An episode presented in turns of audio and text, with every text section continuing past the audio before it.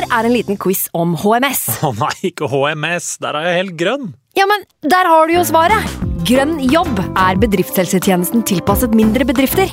Våre HMS-eksperter hjelper mer enn 8000 bedrifter over hele Norge med alt fra lovpålagte HMS-krav til pålegg fra Arbeidstilsynet. Få på plass bedriftshelsetjeneste på grønnjobb.no.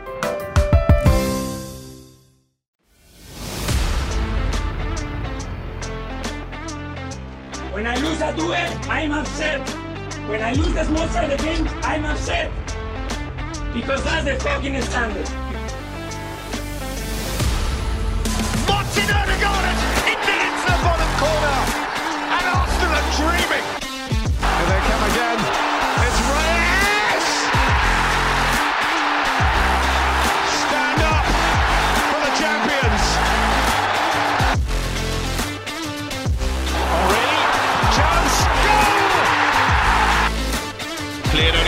As Nelson has to get his shot right. Oh,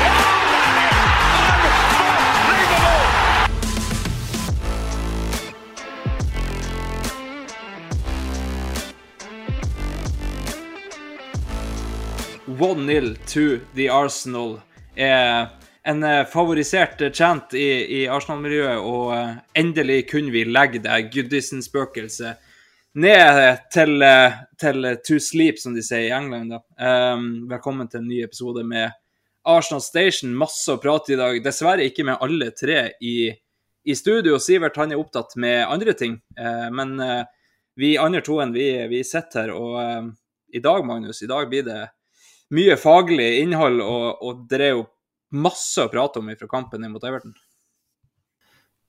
Veldig mye, og det er eh, mer skadefryd i retning Manchester United eh, også. Og, så, så vi skal nok glatt klare å fylle det i 90 minuttene som vi pleier å gjøre. Og vi har ikke forhåpentligvis så mye tilleggstid som det viser i, i Premier League, eh, uten at vi kan love det nå. Eh, så dette er en av, en av de gangene jeg satt meg ned og tenkte at nå må jeg virkelig være disiplinert for å ikke snakke i to og en halv time. Ja, eh, det er jo klart, tilleggstida den kommer jo etter hvor mye tidsdrøying det blir, Magnus. Så det, det må vi bare se på etter hvert. Um, vi har jo da, eh, som du sier, eh, mye rart vi skal innom. Blant annet skal vi prate litt om vår forrige motstander United, som har fått en ny favoritting, og det er å tape 3-1. Uh, nå har de tre strake på rad, så de har tapt. Det er de har den dårligste starten ever i eh, Premier League-æraen for United. Um, så det er mye skadefryd den veien. Uh, så kan vi òg nevne at Chelsea spilte uavgjort 0-0, uh, og det var den første på 47 kamper i Premier League som endte 0-0. Det er ganske, ganske heftig. Um, så det er, det er, nok å prate om sånn utenom Arsenal òg. Men vi må jo begynne med Arsenal, da. vi kommer ut av en landslagspause. Det har vært litt sånn litt sånn hit og dit hvem som på en måte har, har vært på tur. Og så vet vi jo at det var en som ikke skulle på tur, men eh, så var det en, en United-spiller som plutselig ikke fikk være med. Eh, og så eh, kjørte Jesus da ned til Sør-Amerika. Litt reising der, tilbake igjen. alle tre brasilianerne var tilbake på torsdag.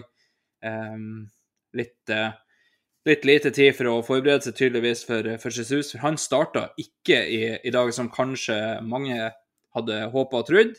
Um, vi hadde en, en annen derimot som, som starta, som var veldig uh, kontroversielt, kan vi si. Vi prata litt om det i statements-episoden vår, Magnus. Uh, Raja inn i mål. Hva du tenkte når du så det?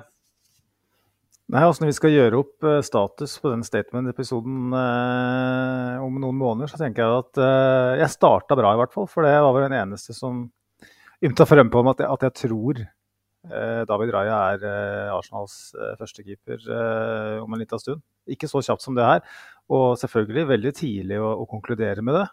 Men som vi snakka om i forrige episode, keeperdynamikken i de aller fleste klubber er sånn at nummer én har som regel en voldsom tillit og starter stort sett alle de viktigste kampene.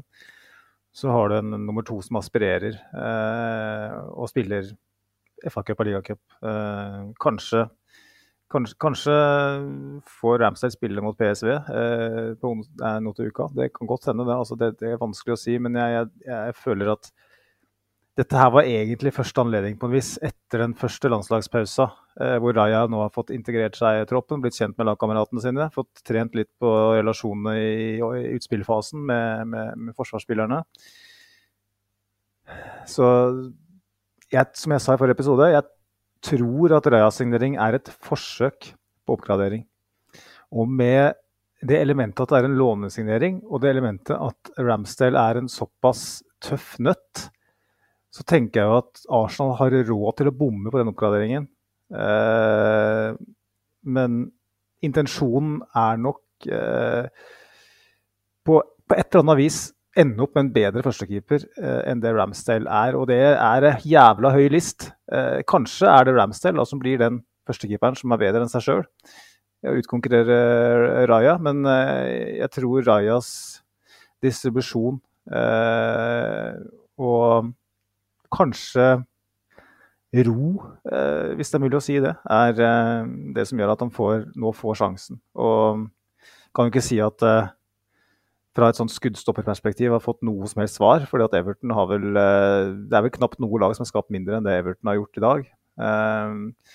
Eller i går, for de som hører på på mandag. Eh, og interessant å se måten han spiller seg ut bakfra og sånn. Det, det, skal vi ta prate litt om, men en sjeldent stor eh, eh, kartoffel, kartoffel, i halsen fra når lagoppstillinga droppa. Ja, så skal vi absolutt ikke gjøre opp så veldig mye status fra Statements-episoden, for der ble jo jeg en av Arsenal-miljøets mest upopulære menn plutselig etter noe, eh, noe forsøk på djevelens advokat eh, der. Og, eh, og det, det, det, det, ble ikke godt tatt imot fra enkelte, bl.a. Sivert. Så det vi skal, ikke, vi skal ikke snakke så altfor mye om det, tenker jeg, for da, blir jeg bare upopulær igjen. Men som du sier, det er jo litt spesielt at så tidlig så får altså Raja muligheten. Det er, det er jo første mulighet, egentlig, nesten. For litt integrering og litt sånn forskjellig, så, så, så det er jo på en måte å komme tilbake ifra landslagstroppen og, og rett inn imot mot Everton i dag, er jo, uh, det er jo tøft av Teta. Og så er det jo som du ser, han blir ikke satt på så altfor mange prøver, i, uh, i hvert fall ikke som shotstopper i dag. så akkurat der vet jeg jo ikke. Jeg sa det jo til deg før vi gikk på her, at uh, akkurat som shotstopper kunne vi hatt Cedric i mål i dag. For det var ikke, var ikke veldig mye å, å, å prate om der. Men Um, nei, vi, vi, ellers sånn lagoppstillingsmessig så er det jo ganske mye sånn kjent og kjært. Det er jo den vante backfireren, må vi vel kunne kalle det, med, med White Saliba, den faste Gabriel som vi diskuterte litt forrige gang, og, og Sinchenko på venstreback. Så er det Declan Rice som et anker på midten, og, og Ødegård. Og så får Vieira start for, for Havertz, som mange har etterlyst. Vieira har vært veldig bra i innhoppene sine, så absolutt ikke noen kommentarer der. Eh, og så er det Martinelli og Nketia og Saka som er da den angrepstiden som har starta alle kampene så langt, vel. Eh, nei, Trossar har én start òg, så, eh, så det, det, blir vel den ene kampen, da. Men eh, ellers ikke så veldig mye å si om startoppstillinga, vel. Jeg vet ikke om vi skal ta praten Havertz Viera nå, Magnus, eller skal vi bare hoppe rett inn i kamp? Tenker vi kan egentlig fullføre Raja Ramsdale-paraten. Fordi vi er såpass godt i gang med den. Eh, det, for jeg har sett litt på tall og sånn som jeg syns er interessant. Eh, vi kan ta med lytterinnspill eh, der for så vidt også. Eh, Dial Norge, eh, våre gode venner som eh, også produserer content her hjemme i Norge. Han skriver eh, Eh, nå er nok Raja for vår førstekeeper mye bedre i igangsettingen. Og den bakre fireren tror jeg stoler mer på han, selv om Everton var grusom i dag. Um, det er jo, uh, som, som, jeg nevnte, tidlig å si om han er uh, førstekeeper. Og Fredrik Eierstad spør jo også hva har Ramsdale gjort for å bli benka. Mange som skryter av det Raja gjør i kveld, men hadde Ramsdale gjort det annerledes? Få Ramsdale inn mellom stengene igjen og ta ham heller ut når det er en grunn til å ta det. Og der, så bør, Før vi går på tallene eh, Eirik Petterøe kan jeg ta ham på Twitter. Han skriver eh, Raja virker å gi trygghet bak tålmodigheten selv i dag. Eh, det jeg tenkte på å spørre deg om eh, da, Mulig vi snakka om det i forrige episode, Andreas, men er det, er det Har Ramsdale gjort noe for å bli satt ut, eh, eller er det bare rett og slett, det, som jeg for så vidt var inne på, eh, et forsøk på en oppgradering eh, når man tross alt er i en evolusjon som fotballklubb? Nei, jeg syns jo ikke egentlig han har gjort så veldig mye for å bli satt ut, uh, Ramsdale. Han har jo uh, i, i, i, vår, og, og, kanskje litt på uh, i første kamp i, i, sesongen, så så han kanskje litt for komfortabel ut, men men jeg syns ikke egentlig han har gjort noen, har gjort noen store feil, eller altså, sånne ting. Vi, vi, vi husker jo det når Ramsdale kom inn for Leno, så var det jo fordi at det var en kjempestor oppgradering på Eh, med tanke på eh, frispilling og i det hele tatt. Um, og så, så, er det nok som du sier, at uh, her så vi en mulighet til, til å, å, prøve den nye signeringa uh, i, um, i, en kamp der vi garantert kom til å ha mye ball. Uh, relativt trygt sånn stoppermessig å sette han inn i dag.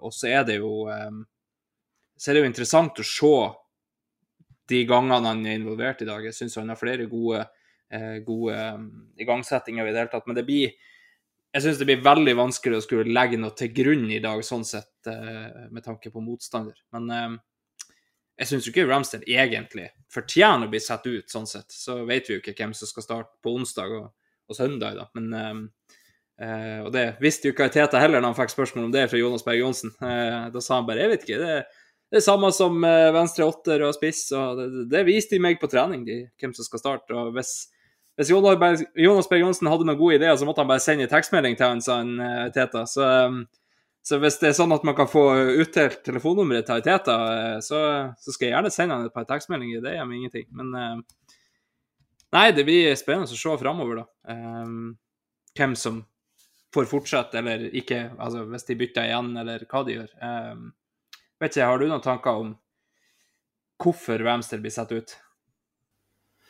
Først og fremst så vil jeg jo si at hvis jeg hadde fått telefonnummeret til Michael Teta, så hadde jeg jo kanskje bedt om hårtips. Eh, og ja, hvordan kan du se sånn ut eh, som han gjør, på alle vis, når du passert 40 eh, og har tre barn eh, som er relativt unge, og i tillegg er manager for Arsenal og er kanskje, med unntak av Guardiola, den mest intense fyren i Storbritannia. Eh, så godt gjort å se ut som han gjør. Men jeg har for så vidt vært inne på det litt, ref det spørsmålet ditt. Jeg har sett litt på noen tall. Vanskelig å tolke de foreløpig, men interessant å notere seg at, at Raja i dag har 34 pasninger. Uh, Ramsdale har um, snitter på par 23 denne sesongen her. Mens i fjor, i løpet av hele sesongen, så hadde han 24,6 pasninger per match. Eh, mens Raja i Brentford hadde 38 eh, i snitt. Så skal vi jo si, som vi snakka om Onana forrige, etter forrige runde, at, at det ikke alltid er et sunnhetstegn at keeperen din har så jævla mange touch. Eh, og kall det kanskje et sykdomstegn i enkelte tilfeller, men jeg syns jo at, at, unnskyld, at tallene viser noe. Eh, I alle fall potensielt. Og så Eirik var det Eirik som var inne på det i, på X eller Twitter. Eh, at liksom stoler spillerne mer på, på Raja allerede. Jeg, jeg syns det er vanskelig å si noe definitivt, men det var mer mer nest, Kall det nesten sånn trekantspill eh, i egen boks i dag enn på noe tidspunkt på en ganske lang stund, syns jeg. da. Eh, og Raja han han er mye mer tålmodig eh, med, med, ballen i beina. Han står gjerne og venter inn eh, presset, mens jeg syns Ramsdale ofte og Ramsdale er god med ballen i føttene. Altså. Også han er desidert den beste engelske keeperen til det, men du ser at, at Raja på en måte har, han er litt kjøligere, kanskje. Eh, og, bruk, og, det er interessant å tenke er det er det, det her handler om litt, liksom? Er det, skal vi i sånne kampbilder som det her, da, når, eh, når man leder 1-0 og presset kommer, så skal man ikke kelke langt mot en Havertz eller en Jesus eller en Nketia. Man skal faktisk ha eh, selvtillit nok til å stå og trille den ballen i egen firer mer. Litt sånn som Manchester City gjør. Eh, det var noen ganger hvor jeg ropte til TV-en igjen. Og TV-en hører jo sjelden på meg, men det er sånn Nå syns jeg kanskje vi, vi, spiller litt på for høy risiko. Vi leder 1-0. Få den ballen litt høyere bana. Spill trekantspill litt høyere, ikke i egen boks. Men det virka veldig kalkulert og kontrollert. Det var én gang jeg kan huske, det var vel Declan Rice faktisk som slo den ballen på, øh, på tvers. Så hadde vi også Trossard, en, en, men det var jo mye høyere i banen. Um, ellers så blir vi egentlig ikke stressa en eneste gang. Og, og Raja skal i alle fall ikke ha noe eh, ansvar for at vi blir det. Så um, spennende første kamp av den nye keeperen. Så får vi se hvordan det utvikler seg.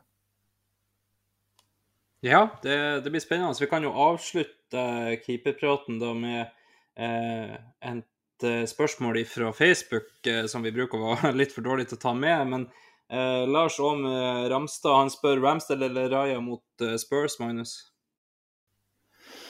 Nei, altså jeg ser ingen grunn til å begynne å vakle og variere og bytte fra Premier League-kamp til Premier League-kamp. Nå, nå, har Rariteta tatt et valg. Eh, nå er Raja første keeper. Kanskje får Ramsdale stå i Champions League. Eh, ettersom grupp, kanskje litt fordi at gruppa er som den er, så ikke at det, jeg, jeg, føler at jeg jeg motsier meg sjøl litt, på en måte òg. Jeg stoler på Ramsdale. Men faktum at gruppa vår på en måte er Det er ikke Bayern og Barcelona vi skal spille mot, liksom. Så det er, det er rom for å gi begge keeperne, som begge er så gode, nok eh, spilletid. Eh, men eh, eh, det må jo være Raja mot, eh, mot Spurs, må det ikke det? Jo, jeg tror det. Eh, når du har tatt det valget du har tatt nå, så, så tror jeg det er Raja mot mot Spurs, ja. Absolutt ikke overraska hvis det er Ramsay som starter mot PSV, for det er for så vidt bare greit. Og, og, som du sier, så Altså, vi har jo Europa League-gruppe i Champions League. Det, det, skal vi ikke legge under en stol. Så det Altså, vi, vi har muligheten til å rotere en del der. Um, Sjøl om altså utfallet, hvis det går dårlig, er større enn i, Europa League. Uh, fordi at det har så mye mer å si å vinne gruppa i Champions League kontra andreplassen. Men um, Eller vi har jo vært uheldige med å vinne gruppa A da, og fått uh, Bayern allikevel. Uh, men, um, men, ja, jeg, jeg, tror nok det blir, blir Raja mot Spurs, og så kanskje heller Ramsdale mot, mot PSV. Um, vi går videre til, til selve kampen, da, Magnus. Det er altså Første gangen, for så vidt hele kampen, blir jo ganske som forventa. Eh, vi hadde vel 78% ball i, i første omgang. Eh, og eh, over tre ganger så mange pasninger som, som, Everton. Det er liksom Det er sånn som det skal være da, imot et lag som ligger under nedrykksstreken. Vi, vi, går ut, tar kommandoen, står og triller mye. Og sliter kanskje med, med å skape det helt store. Vi sliter kanskje med den siste pasninga, det har vi sett litt tidligere i sesongen òg. Um, Sjøl om eh, Erin Ketty starta frist i første ti, var, var, godt involvert i et par eh, fine um, seanser der, uh, i lag med Ødegaard og, og Saka for så vidt. Uh, Martinelli så frisk ut langs uh, venstresida i starten. Eh, og så får vi jo et mål, da, etter hvert. Eh, der Sivert vel meldte på Twitter etterpå at noen måtte forklare reglene. for Han skjønner ikke helt hvorfor det ble annullert, for det blir annullert.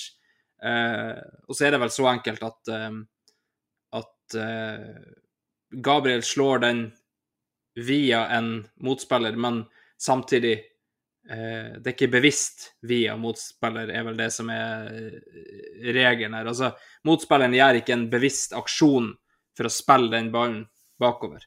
Uh, og Da er det egentlig bare helt tilfeldig at den går via en motspiller, og den kommer ikke fra en motspiller. Og Da er Martinelli i offside. Eh, og, og, målet blir annullert. Akkurat den er jeg synes den er helt grei, for det er ikke selv om den går via en motspiller, så er det ikke det det samme som at den kommer fra en motspiller. Så um, da, da, skal ikke vi profitere på at vi har en mann stående i en offside-posisjon, og, og Martinelli sitt mål blir dessverre annullert. Uh, har du noen tanker rundt akkurat det, Magnus? Eh, altså, det var vel en Ketia som eh, var i offside eh, på, i den situasjonen. Eh, men, det var det vel, ja. Eh, det er jo en, en, regel som man kan tillate seg å være konsekvent på. Da. og det, det, det, er det ikke så mange av. og Sånn sett så er det greit. og Det er ingen grunn til å klage, men ballen blir jo forsøkt spilt på tvers.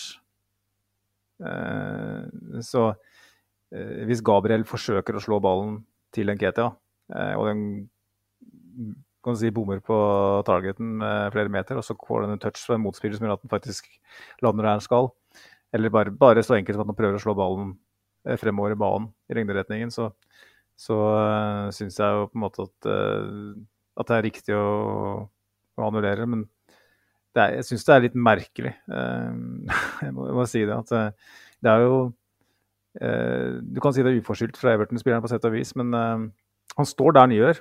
Og det er jo på en måte det faktum at han står der og som gjør at den ballen går inn i, i offside. Eh, sånn at man kunne kanskje ønska seg nyanser til regelen, men jeg tror, basert på det vi ser fra dommerne i Premier League, jeg tror ikke nyanser i eh, vurdering er det vi skal tilby dem eh, noe mer av. For da, da blir det bare kålåker eh, ganger to. Så.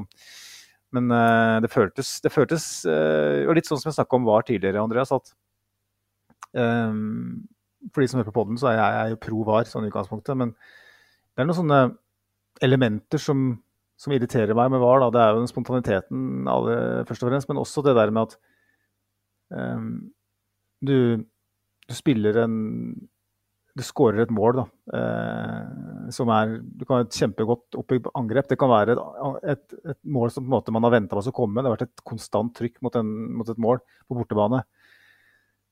Så får du det målet, og så viser det seg at det er 10 cm offside. Eller noen ganger 3 millimeter. Og så ender det opp med at du straffes for det fordi at det gir på en måte en det blir på en måte scoring for, for, hjemmelaget. Det blir en boost til hjemmelaget. Så de får ny giv fordi at ditt mål blir annullert. Og det har vi sett noen ganger. Eh, jeg var jo redd for det. Jeg var, jeg var redd for at det her nå Nå, nå våkner Gudisen her. For at nå, dette blir på en måte som en strafferedning.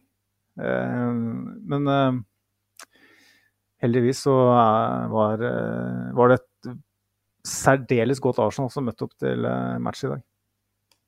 Ja, og um, altså, sånn sett så kunne jo kanskje denne offside-regelen være litt mer som definisjon på sjølmål eller ikke. Altså hvis du, hvis du påvirker ballen nok til at på en måte det blir et helt annet utfall, så skulle det kanskje ha vært en annen regel. Men som du sier, nyanser er ikke akkurat det vi ønsker inn i, i de engelske dommerne, sånn som ting står der nå. Uh, og som du sier, det er et veldig veldig godt Arsenal som møter opp. Vi har jo vår ja, uten tvil vår beste kamp i omstilling, i hvert fall i den første omgangen.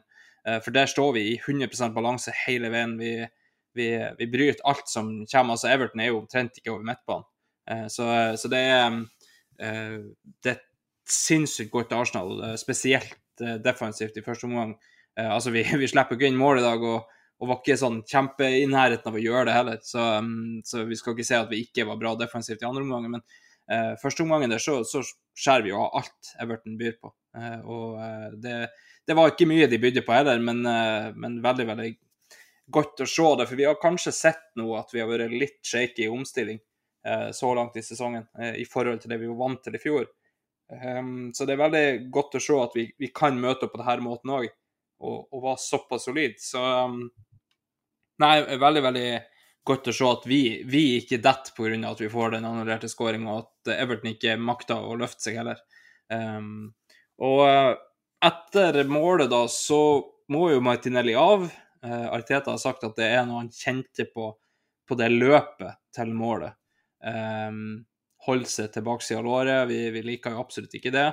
Uh, det er det er sånn skummelt nært å, å kunne melde hamstring der, fordi at uh, det er det området han holder seg til på låret, og, um, og um, i løp uh, så vet vi, kanskje spesielt med mye reise og sånn i det siste, så vet vi at sånne skader kan oppstå. Um, det er jo det er ikke godt nytt hvis det er hamstringsskade på, på Martinelli, Magnus. Da er det jo fort vekk neste landslagspause før vi ser han igjen, er ikke det?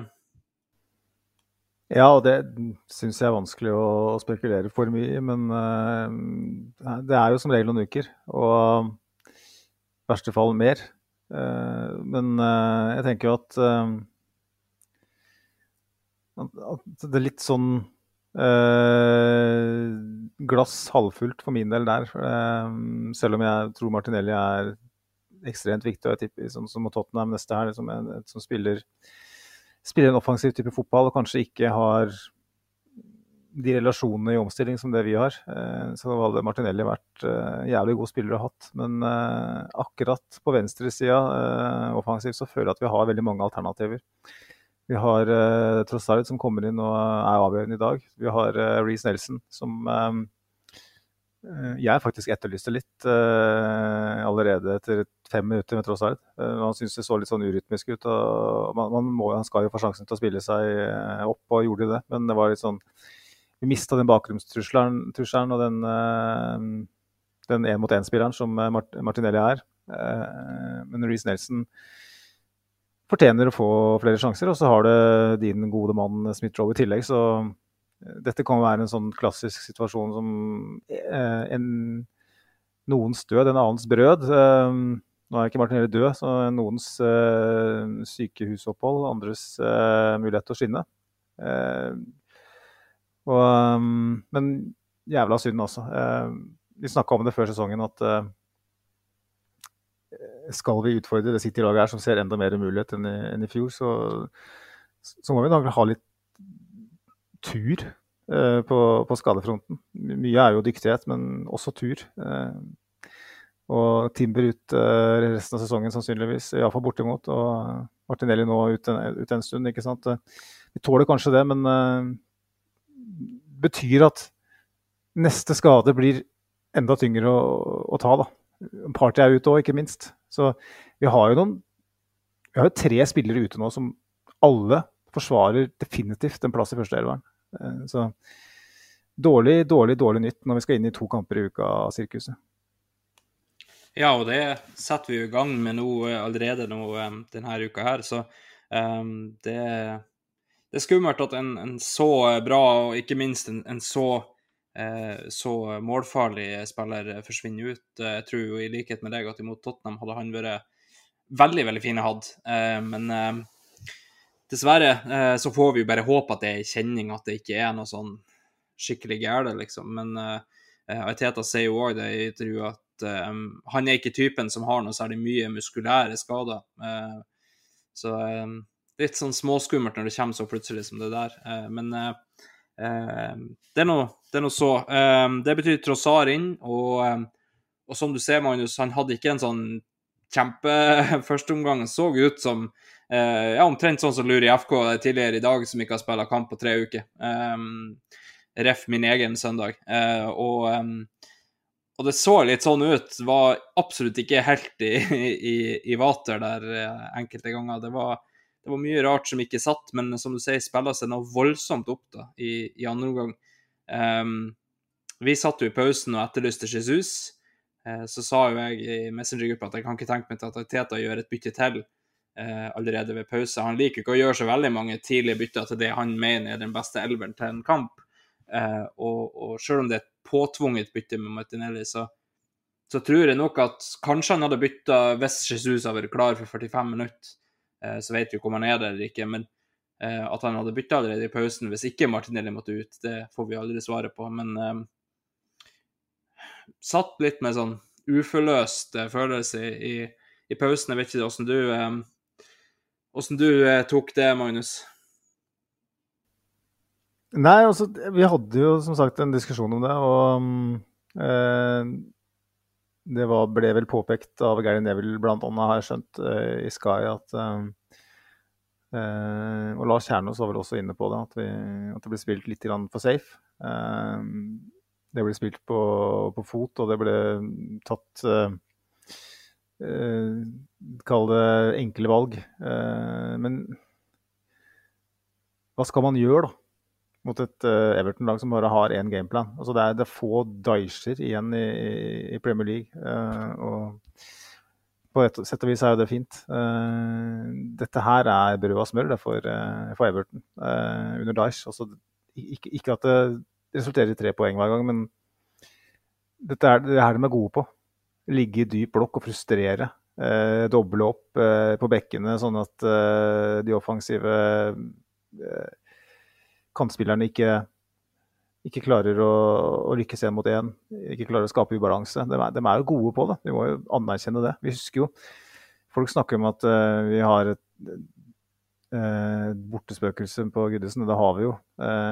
Og refererer til kampen i fjor og kontrasten mellom hjemme- og bortekampen. Men jeg vil minne folk om at den første omgangen hjemme mot Everton i, i fjor vår, den så ganske lik ut som den kampen her. Helt til Bukayo Saka banka en opp i nettaket eh, slutten av første omgang. Og så plutselig åpna kampen seg. Eh, dette her er de gode på, og Arteta sin record mot Daesh er vel ganske grusom, uten at jeg husker helt hvordan den ligger an. Dette er vanskelig, eh, og på mange måter så så for Everton del på hjemme så passer det nesten bedre å møte et Arsenal, liksom, eh, hvor de på en måte kan ligge i dyp blokk og kontre, kontra det å skulle møte et lag som, eh, som gir dem initiativet. Eh, og føler at nå har landslags, vært landslagspause. ikke sant? Everton har en god statistikk mot Arsenal. De har, om ikke et psykologisk overtak, så, så, tipper jeg på at atmosfæren rundt stadion er sånn at nå kommer Arsenal eh, med soft underbelly. Dem kan vi faktisk håndtere, dem kan vi ta. Eh, og jeg syns at det er en smule overdrevet, den kritikken som kommer på Arsenal sin offensive eh, opptreden i første omgang. Altså, det her syns jeg er veldig riktig måte å gjøre det på. Du nevner omstilling, som var eh, ekstremt bra i den kampen her. Eh, man kveler og tar livet av eh, Everton her fullstendig. Og venter på det ene øyeblikket. Og det er jo egentlig bare udyktighet den siste pasningen og litt relasjonstrøbbel kanskje, som gjør at man ikke får, får det øyeblikket tidlig. Eh, en marginal offside-situasjon for så vidt, som gjør at vi ikke får 1-0 tidlig. Eh, jeg syns vi gjør veldig mye rett i å være tålmodig. Eh, fotball i Premier League nå spilles gjerne i over 100 minutter. Eh, og i dag òg, selv om det ble fire minutter etter andre gang, så var det jo fire etter første òg. Så det er jo 98 minutter med fotball her. Eh, skal, man, skal man kaste alle mann til pumpene mot et lag som på en måte bare sitter og venter på at du skal bli utålmodig? Jeg, jeg syns det her var så utrolig proft og bra gjennomført. Det er en grunn til at Arsenal er det beste bortelaget i Premier League. Det er fordi at vi har blitt en seriøs fotballklubb. Og vi drar på jobb og møter opp på jobb. Og selv om jobben man skal gjøre ikke alltid er like pen, så gjør man jobben. Eh, og det syns jeg vi gjør så til de grader i dag. Jeg syns førsteomgangen er ganske bra. Eh, og jeg syns totalt sett så syns jeg synes det er en fantastisk godt gjennomført bortekamp. For det her er bortekamp i Premier League. Og da kan du ikke gjøre det. Det eneste og Nå, nå sporer jeg litt av, Andreas, men det eneste som jeg savner, er jo at vi etter at vi får 1-0, at vi ikke klarer å bare fortsette å male dem i stykker og få nummer to. Jeg syns vi igjen kanskje Ikke at de skaper noe, men vi, vi, vi inviterer dem lite grann. Eh, og det mener jeg at det trenger vi ikke å gjøre. Så, men altså, utover det utrolig bra eh, gjennomført. Ja, og så er det jo eh, Det er jo som du sier, altså det her er det her er bortekamper i Premier League. Eh, vi møter elleve mann i forsvar hele første omgang. Og så kommer Calvert Lewin på eh, i andre omgang der og, og, skal være et mer sånn oppspillspunkt for dem. Men eh, før det så er de elleve mann i forsvar omtrent hele første omgang og, og begynnelsen av andre. Eh, så, um, så, det er så utrolig vanskelig å bryte ned. da. Og da må du være tålmodig. Enten så må du være tålmodig, eller så må du ha litt flaks, eller så må du ha begge deler, eller så må du ha et sånt genialt øyeblikk av det du refererte med, med Saka, som banka den i nettaket i fjor, eh, eller forrige sesong. Um, så det, det, er det der med, med å, å være tålmodig når du møter sånne lag. Det der å, å mæle de i stykker, rett og slett. Altså, for det er så slitsomt, det der. Å sideforskyve, sideforskyve, sideforskyve hele tida Uh, var 100 påskrudd i tilfelle den geniale stikkeren plutselig kommer. Uh, og da kommer de der at de detter ned litt. Uh, vi ser at de var ikke 100 påskrudd eh, helt, helt, helt fra start i, i, andre omgang. Da skaper vi en kjempesjanse. Eh, og det er ikke mer enn en 2 at du detter ned bitte, bitte litt, uh, som skal til når du møter et så godt lag som Arsenal i, i angrep. Um, og så er jeg jo enig med deg at etter 1-0 så jeg tror kanskje ikke vi har funnet helt den balansen med utnytt at de skal fram. og gi bort initiativ. Altså, det, det, er, det er kanskje litt for mye defensivt der ennå. Uh, vi, vi, burde være hakket mer offensivt, sånn at vi faktisk utnytter det skikkelig, det der at nå må de framover. For det syns jeg ikke vi er ordentlig gode på ennå. Uh, vi, vi, vi, forsvarer oss uh, når vi får 1-0, og derfor, altså, så altså, vi slipper ikke til noe, så det er ikke farlig å forsvare seg til, til 1-0. Men kanskje vi, vi, burde være enda mer sånn at vi går ut og kveler uh, litt til og, og, og får kanskje 2-0. Um, nå, uh, nå, har vi den dårligste uh, altså målforskjellen i, i topp fem. Um, og, og, det er ikke fordi at vi har mindre poeng enn de som ligger rundt oss, uh, det er fordi vi skårer lite mål. Og, og da, da, blir det fort sånn at du du tenker jo at hvis det går hele veien i år, da, og, og City plutselig finner den formen vi vet de kan finne, at de skårer fem og seks, eh, så er det jo kanskje ikke så jævla gøy å ha den målforskjellen eh, med at vi vinner 1-0 og 2-1 eh, hver gang. Men eh, så syns jeg jo kanskje vi ser nå at vi, vi, vi legger kanskje løpet opp litt mer likt City i år enn det vi gjorde i fjor. I fjor starta vi 100, og i år starter vi litt mer kontrollert. Kanskje vi toppa formen til etter januar i, i år, i stedet for å toppe formen til fram til jul. Men, uh, men, bare når vi er inne på City, Andrea, så ta med et eh, spørsmål vi fikk på Twitter fra mm. Adrian uh, Aagensen. Uh, han spør er ikke dette litt sånn City-esk. Virker ikke helt påskrudd, men får resultatene på veien. Virker som man har mange hakk å, å gå på. Ja, men det er jo egentlig det. Altså, Vi sa jo det i fjor. City spiller ikke noe spesielt bra, men de fikk jo resultatene hele tida. jeg så City mot Westham så var det jo riktignok Westham som skåra først, da, men med en gang City er i ledelsen der, så er de jo ferdigspilla, egentlig. Eh, da er det sånn halvveis sånn ah, nå sender faktisk Westham alle i angrep, da kan vi ta den kontringa her, liksom. Men, men, det er ikke sånn at de skrur på 100% De er ikke påskrudd 100% eh, egentlig gjennom hele kampen, syns jeg. Eh, de skaper mye mer enn det de skårer på, det gjør de. Eh, skulle jo hatt en hat trick imot, eh, imot Westham, men altså det er det her som faktisk kreves. Alle vet at ligaen vinnes ikke i, i august, september, oktober, men du er nødt til å ha med deg poengene derfra òg. Eh, det, det nytter lite å si at ja, men ligaen vinnes i mars, april, mai hvis du ikke har med deg poeng fra høsten. Så eh, kanskje er det en, en, eh, en bra ting. Eh, mest sannsynlig, vil jeg tro, hvis vi klarer å, å, å toppe formen, faktisk, at det ikke blir sånn her hele veien. Eh, så er det en bra ting at vi ikke starta i 100 i år. for vi, vi, eh, Ja, vi hadde noen skader i fjor. Altså, vi hadde noen skader. Vi hadde veldig viktige skader i fjor som gjorde at det datt bort litt. Men samtidig så så vi litt sånn Altså, det var litt sånn utbrenthet på enkelte. Altså, Martinelli og Saka sprang jo rundt der på, på bensindamp. Altså, det var lite igjen på tanken der. Eh, sammen med Ben White siste kampene i fjor. Så eh, det, det, kreves kanskje det her, da. Eh, og City er eksperter på det. City er ikke på sitt beste i august, eh, september, oktober. De kommer i, i februar, de. Og da skrur de til. Og, og, da er det kanskje litt uh, greit at vi er med på det kjøret istedenfor å, å skal prøve å, å, kjøre ifra de nå. For vi vet at uh, altså det lokomotivet der, det kjører bare det når februar kommer. Da er det 14 kamper på rad uten, uten, tap, og så er, det, så er ligaen ferdig, liksom. Så um, vet ikke du tenker, Magnus. Er det er det det her som skal til for oss? Altså, jeg syns ikke at vi er uh, At vi ikke har påskudd, det syns jeg er feil å, å si. Uh, jeg syns, som jeg nevnte, en veldig god match i dag, egentlig. Um, ja, det var, det var, City jeg mente ikke var påskrudd mot Westham. Det var ikke oss. egentlig. Ja, ja men som Adrian uh, påpeker sånn. også, Men jeg, jeg, skjønner hva han mener. altså det er jeg føler jo at det som skiller City og Arsenal eh, først og fremst, er at vi, vi dreper ikke de dreper ikke de kampen her. Også, det skal sies at vi møter et Everton som kjemper for å holde plassen for tredje sesong, eller kanskje fjerde sesong på rad. Det er ikke et godt Everton, selv om vi har dårlig statistikk der. Uh, så det skulle egentlig bare mangle at vi vinner. Uh, men vi, vi, så det mot Nottingham Forest, 2-0.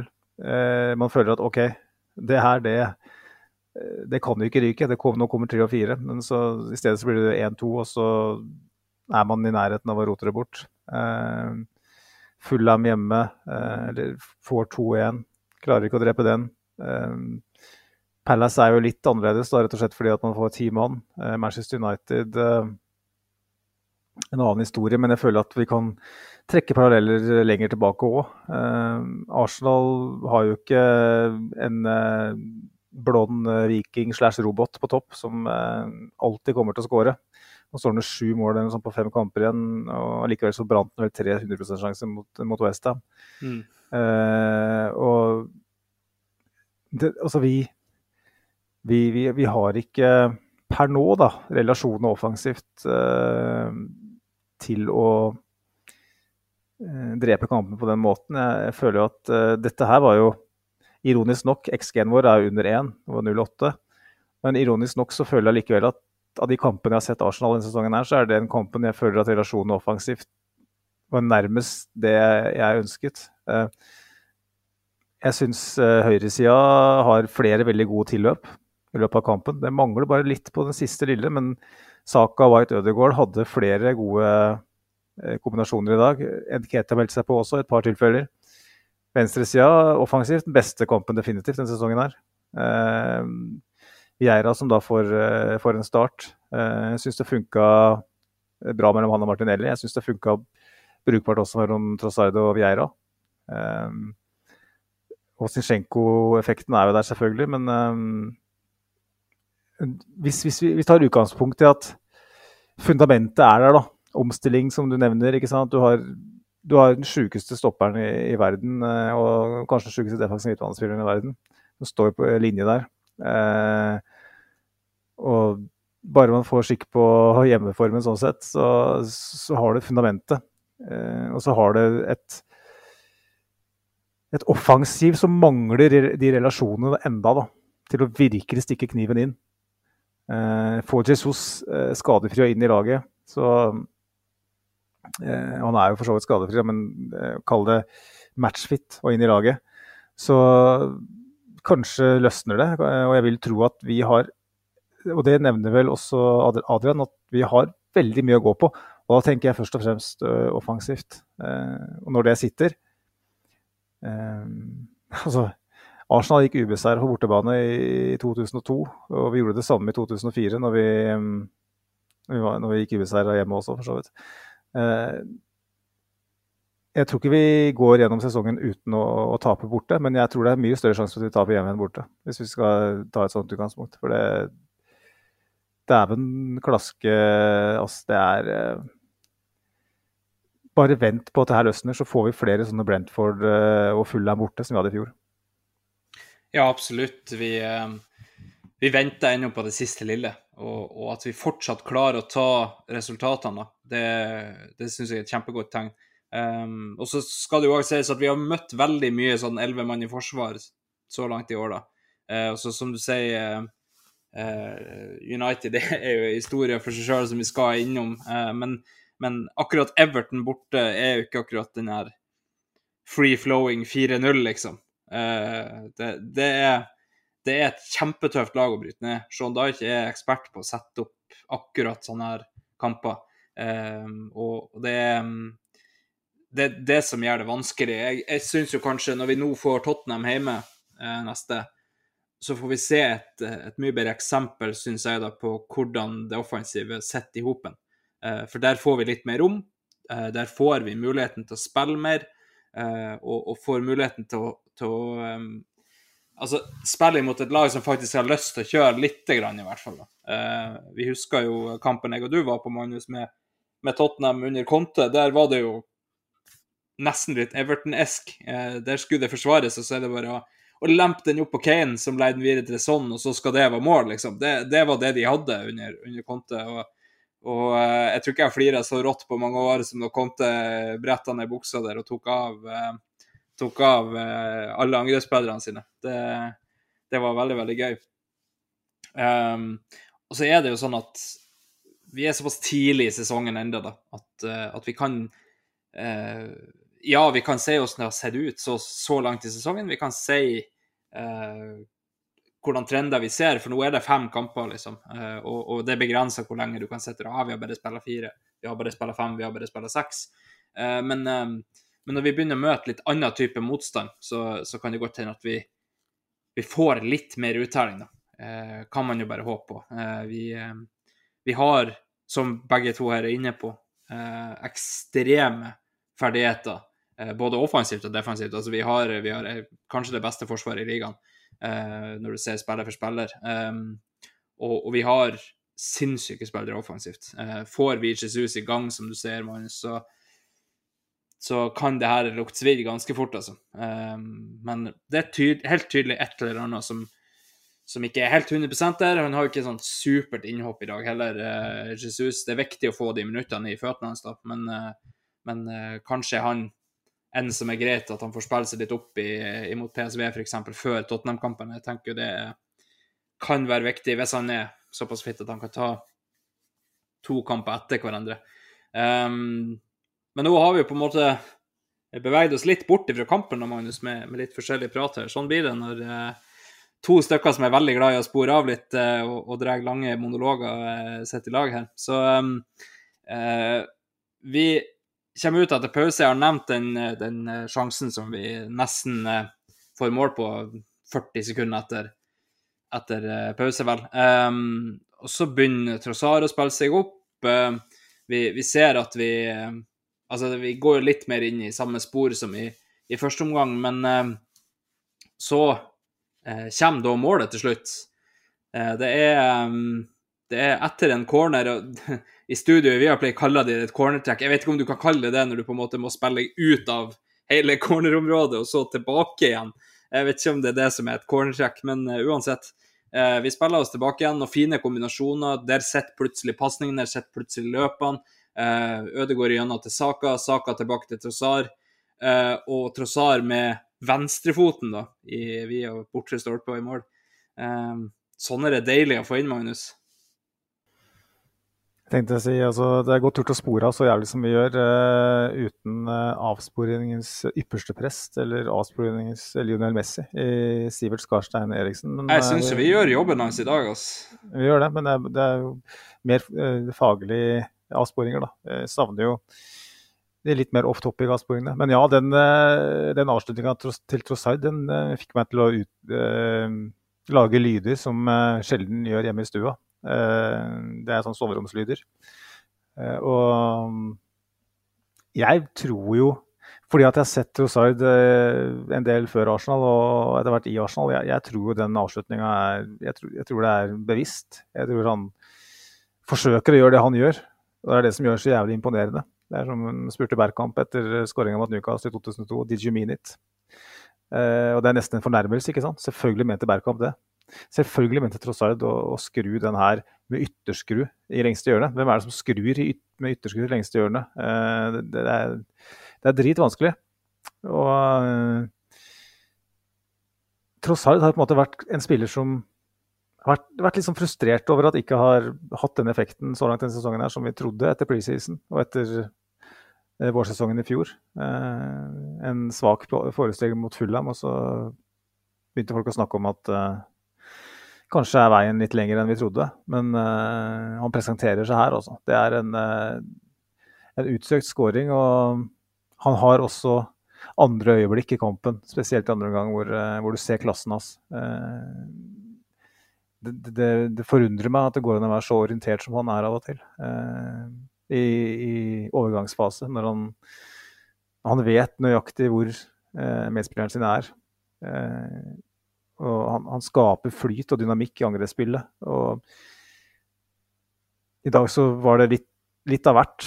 Eh, litt, eh, litt majones og litt kaviar fra, fra, fra, han. Men de, de øyeblikkene bare vitner om at det er en, det er en Arsenal-spiller så til de grader. og jeg, Det øyeblikket, det, det var som jeg snakka om, det ene øyeblikket vi trengte. Og um, for at Everton kom aldri i verden til å, å respondere uansett. Så i dag så, så, så redder Trossard oss sånn sett. Ja, og um, vi, vi snakka jo litt om at vi snakka om det i pausen. Hans, uh, og, og, der sa jo jeg det at han ligna mye mer på han som starta mot Fulham, vel, enn en, uh, han som kom inn i januar. Eh, og så plutselig andre omgang så er han mye mer lik han som kom inn i januar. Han er den som avgjør det for oss. Og, og, um, og som du sier, altså, det er ikke tvil om at han mener det der. For eh, han åpner opp kroppen sin, slipper ballen tvert over på venstre istedenfor å skyte med høyre og, uh, og legge den i, i bortre. Det, det, er ikke noe, det er ikke noe spørsmål engang om, om det der var meninga. Så um, det er rett og slett et, et nydelig mål. Eh, Pickford må bare stå, og, og uh, det er ingenting som er bedre enn at pikken står, Magnus. Eh, vi, um, vi har nå fighta vi har nå fighta eh, flere ganger med, med ryggen mot eh, veggen når vi får 1-0. Ariteta går jo litt defensivt med å ta ut eh, Sinchenko, sette inn på Tomiyasu, eh, og da ut med Vieira og få inn på litt mer muskler med Kai Havertz. Men allikevel så er det jo ikke sånn at vi står med ryggen mot veggen. Eh, Everton er, som du sier, helt ufarlig, og, og vi, eh, vi, vi, har jo kontroll, sjøl om vi, som vi har nevnt her nå, gir bort litt for mye initiativ eh, etter begge våre eh, smak. Eh, det, det, er det bitte lille som mangler. Så må vi jo òg nevne at eh, ja, vi møter et kjempebra defensivt Everton. Ja, det er vanskelig å bryte ned i det hele tatt, men det er, det er flere ganger i dag det er millimeter det er snakk om. Det er siste pasning, liksom. Uh, vi har uh, situasjonen der uh, Altså, vi har flere situasjoner der Vieira uh, bomma litt. Vi har skuddet til Ødegaard som, som Pickford får redda. Um, akkurat der var Ødegaard litt mer tilbake til sånn som vi så han før forrige sesong, med skudd midt på mål. For akkurat den der er midt på mål. Det er liksom Pickford trenger ikke å gjøre så veldig mye mer enn å få opp armene, egentlig, der. Um, så litt mer flyt, litt mer tur, uh, litt mer uh, presisjon, så, så, har vi jo fort to mål, kanskje tre i dag. Men, men uh, hovedsaken er jo at det er det siste lille som, som mangler. da, og, og, det som gjør at vi har en lav XG i dag, er jo at vi kommer til lite avslutninger. Det er ikke at vi, det er ikke at vi skaper lite sjanser, men vi får ikke avslutta så veldig mye. Og så Vieira har en 2-3 som er ganske langt ute. Eh, så har han vel én som er sånn ish i nærheten. Ødegaard har en som er midt på mål. Ellers er det jo veldig lite avslutninger sånn, som blir farlige, da. Men flere tilløp til ting som, som når vi da får den siste lille som vi har prata om, eh, Jesus i form kanskje, um, og, og ting sitter litt bedre, så, så har vi fort i hvert fall to i dag istedenfor uh, bare ett. Men eh, trenger bare det ene for å få tre poeng. og Det er det som er viktig i, i sånne kamper. Um, en ting vi ikke har prata om så langt, Magnus. Um, Mikolenko eh, inne med en uh, ganske stygg en på saka som ikke blir gult kort engang. Det blir ikke frispark engang. Eh, det blir dømt kast. Eh, han har en eh, Hvis han ikke ser den her, dom, dagens dommer, så, så, har han jo en linjemann som står rett bortfor der. Han må jo se den, han. Vet ikke hva du tenkte når du, når du, så den der. Jeg vet at du syns den var veldig stygg. jeg vil jo si at det er minst gult, kanskje oransje. for dere det skal så lite til her før dere er skikkelig stygge skader, liksom. Um, dine tanker om Mykolenko i dag? Jeg har jo blitt uh, nesten kasta ut av en fotballpub pga. En, en gal mann som eh, kom med stor kraft eh, løpende ikke, ikke, på puben, også, men på TV-skjermen, eh, inn i en Arsenal-spiller. For å markere seg og get stuck in, som han sier i England. Eh, den gangen knakk beinet til Aaron Ramsey, og Ryan Shawcross gikk gråten av banen. Den eh, taklinga her hadde ganske mange likhetstrekk uh, med den. Uh, helt fullstendig unødvendig. Det er ganske midt på banen, og han kommer i en voldsom fart. Og han og Det er ikke sånn at han Når han kommer i en sånn fart, så er det nok at kneet ditt treffer ankelen, ikke sant. I tillegg så løfter han jo løfter han i foten òg. heldigvis så treffer han ikke ordentlig. Han, han er vel ikke så høy at han eh, ville ha truffet så høyt oppe som Sjoklas gjorde, kanskje. Men for meg så er det her et klink rødt kort. Klink. Det er helt fullstendig meningsløst å komme inn med, med så, en sånn fart og en sånn kraft. Eh, det er farlig eh, spill. Eh, ref violent conduct. Rødt kort, tre kamper på, eh, tribunen. Ferdig snakka. Jeg, jeg syns det er patetisk å se Simon Hooper eh, da stå der og sier 'get up' og 'get over it' og alt det der. Og så, når vi snakker om dommere, så det faktum at han ikke ser det, ikke gir frispark eller et gult kort, gjør jo at da, på en måte, da ligger lista enda lavere for VAR å, å, gripe inn. For da har dommeren åpenbart gjort en åpenbar feil ved ikke gi et frispark engang. Uh, og det er en, det er en potensiell uh, hva, hva, kaller du det? Uh, red card incident, eller hva faen? At de ikke griper inn, det, jeg vet ikke hvorfor. Men hvem vet noe som helst om hva de holder på med i, i VAR-bussen om dagen. men for meg så er det klink, klink rødt kort. Og Mikolenko er jo Man må jo si det er ganske god én mot én mot Saka i dag. og er jo Hvis man reiser hjem til London med 0-0 og en Saka som kanskje ikke helt har fått det til, så tenker man at her Ikke bare så kunne han knekke beinet sitt, liksom, men her fikk han ikke muligheten til å, å, å skinne, rett og slett fordi at en spiller som eh, ikke skulle vært på banen, eh, fortsatt å, å, stå i veien for ham. Eh, mens, eh, mens eh, FA det er ikke FA, men Sky holder på å mase om at Arsenal drøyer. Helt utrolig, må jeg bare si. Helt, helt utrolig at det er fokuset. Så, så, blir det vel sikkert bare ignorert at, at Saka kunne ha eh, henta ambulanse fra Goodison i dag. Og ref, ref det her med drøying av tid. Da. Jeg vet ikke om jeg gidder å dra, drøye så mye innom Sky, men det ble vel eh, påpekt at Arsenal brukte 26 sekunder på å ta en corner eller et eller annet. Eh, og da spør Thomas Nyhus Terjesen litt i Siverts ånd, da, med en avsporing som at eh, hva liker dere i poden å bruke 26 sekunder på, og hva sier omgivelsene til at nettopp det tar den tiden det tar? Og er det et problem at det tar 26 sekunder når andre bruker mer tid på det, på det samme? Jeg tenker du skal få lov til å, å slippe til, men jeg tenker jo ref eh, de lydene på stua eller på et annet rom. Eh, så liker jeg gjerne å bruke 26 sekunder på noe sånt, men omgivelsene er veldig lite fornøyd. Så det er jo et uh, kjapt svar. Jeg vet ikke om du har et, et bedre og mindre koffertaktig svar, Andreas?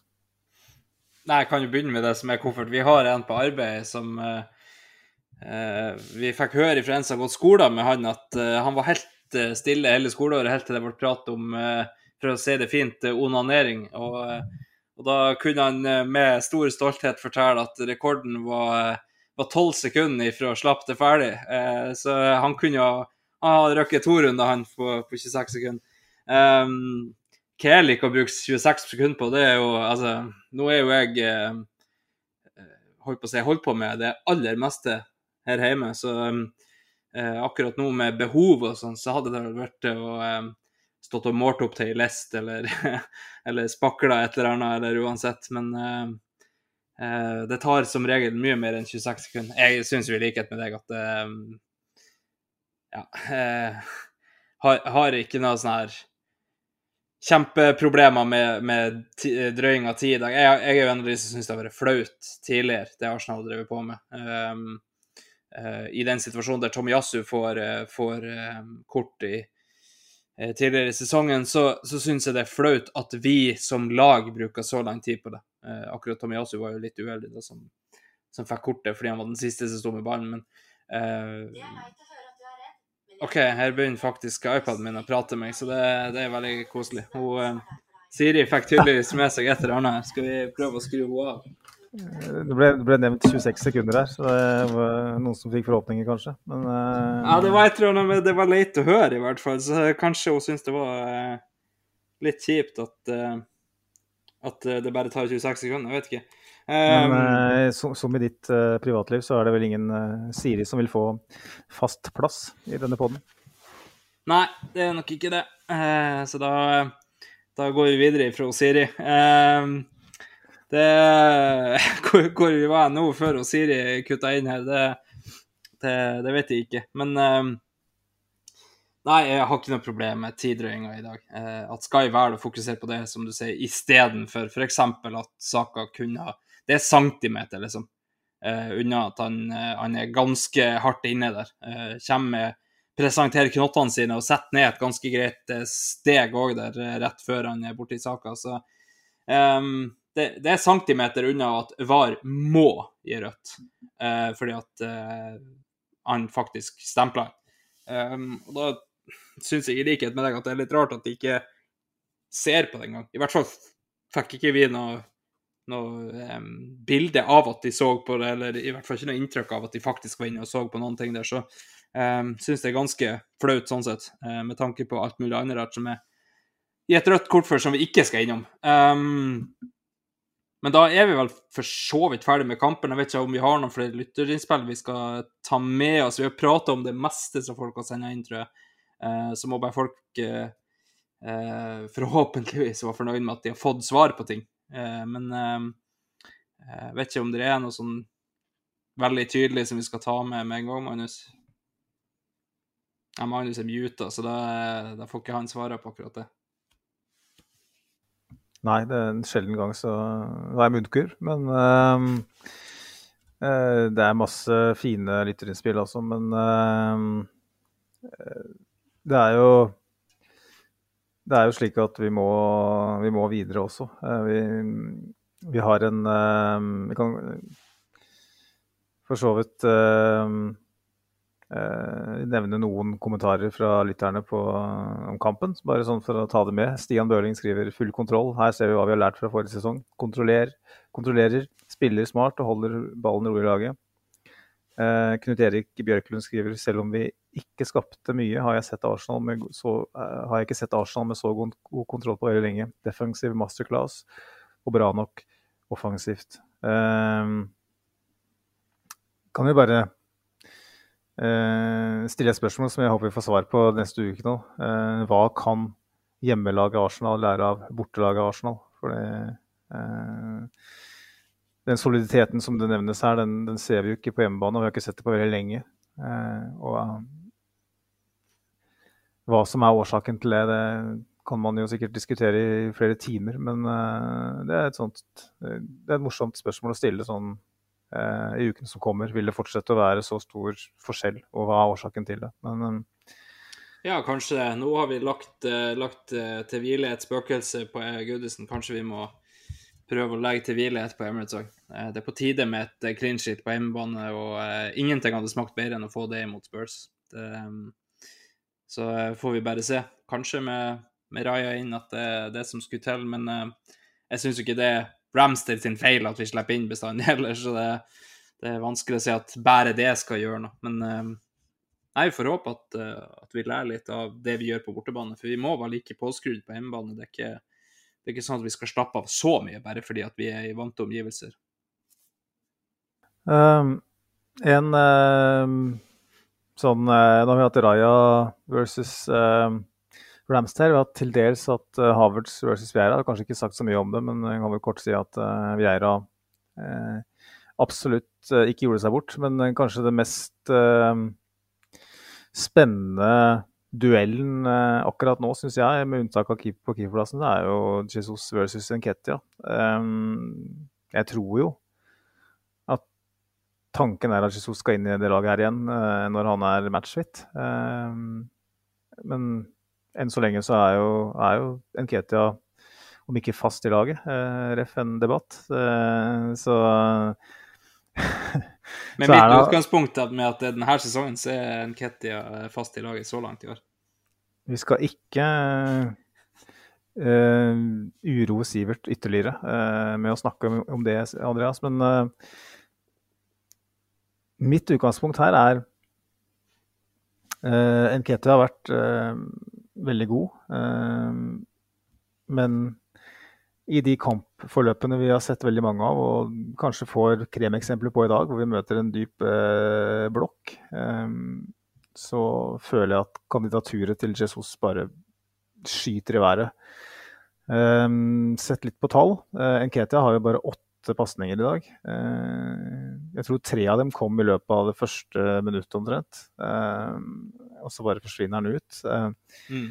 Ikke bare hans feil. Vi snakka litt om at vi kanskje ikke spiller nok sentralt. Uh, men uh, Jesus er jo, som jeg har sagt tidligere, den rivekula vi trenger i sånne kamper. Den som man kan spille på med to stopper i ryggen og likevel klarer å holde på ballen, klarer å vende opp, klarer å dra med seg en og to spillere, sånn at en Saka og en Martinelli, en Havertz eller hvem måtte være, får det lille rommet ekstra. Og er i tillegg en god kombinasjonsspiller under press, som gjør at han gir, han gir oss mulighet til å stå høyere og, og angripe fra et bedre, et uh, bedre og nærmere utgangspunkt enn enn de aller fleste spisser. Og det her handler vel kanskje ikke om å snakke ned Nketa, men heller å snakke opp Jesus. Eh,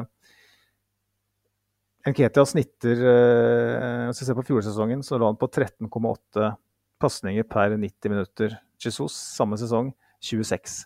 Det er en dobling. Uh, og så er det alltid nyanser, men en hel sesong er likevel en, en sample size når begge har fått rikelig med spilletid. Nketia vinner ball 0,2 ganger per 90. Jesus 0,8. Jesus dribler dobbelt så ofte som Jesus. Nei, nei som Enketia. Tenk å drible dobbelt så mange ganger som seg sjøl. Ja, det begynner å bli bra. altså. Da, da, da er det Antony. Men eh, det, da ja, sammenligner du med en sesong tidligere, så klart, da går det an. Men eh, du kan ikke drible det dobbelt så mye som deg sjøl, samtidig som du dribler halvparten så mye som deg sjøl. Det går ikke. Nei, med mindre det er Antony, da. Ja, det er klart. Eh, Han dribler jo seg sjøl, så yes, det er han, noe helt annet. han minner om flere lagkamerater jeg har hatt i barnefotball, men det er en annen sak. Eh, poenget mitt, da, Andreas, og det kan du få lov til å spinne videre på, det er Gabriel Jesus eh, er kanskje ikke en bedre målskårer eller ren spiss enn det Nketia er, men Gabriel Jesus er rett og slett en bedre fotballspiller og en bedre nier i det moderne spillet enn det Nketia er, og som passer Arsenal uendelig mye bedre i sånne kampforløp som det her. Eh, Det er, det er i hvert fall det jeg mener. Jeg vet ikke Har du noe kontroversielt eh, å, å krangle på her? Nei, absolutt ikke. Eh, Nå begynte å Siri igjen her. Eh, sånn. Da var den helt av. Det må bli Siri-haler, tror jeg. Eh, for de som ikke vet hva det er, så er det han som tømmer dassbøtta på en båt. Det er en Siri-haler. Det Da fikk jeg et smil fra andre enden. Han bruker å like når jeg tar litt sånn lokale ting, men ja. Jesus kontra Nketia er jo på mange måter ikke en diskusjon om målskårer, For uh, sånn rent uh, statistisk sett er jo Nketia en bedre målskårer. Men, uh, men som du sier, Jesus gjør så mye mer for det laget. Han, um, han åpner opp veldig mye for venstresida vår, som regel. Han, han hadde et, et veldig godt samarbeid med med Nket, nei, ikke Nketia, Martinelli da, i, i fjor. Eh, og vi, vi så at Martinelli sin uh, uttelling eh, eh, og, og involvering, ikke minst, datt ganske mye eh, uten Jesus.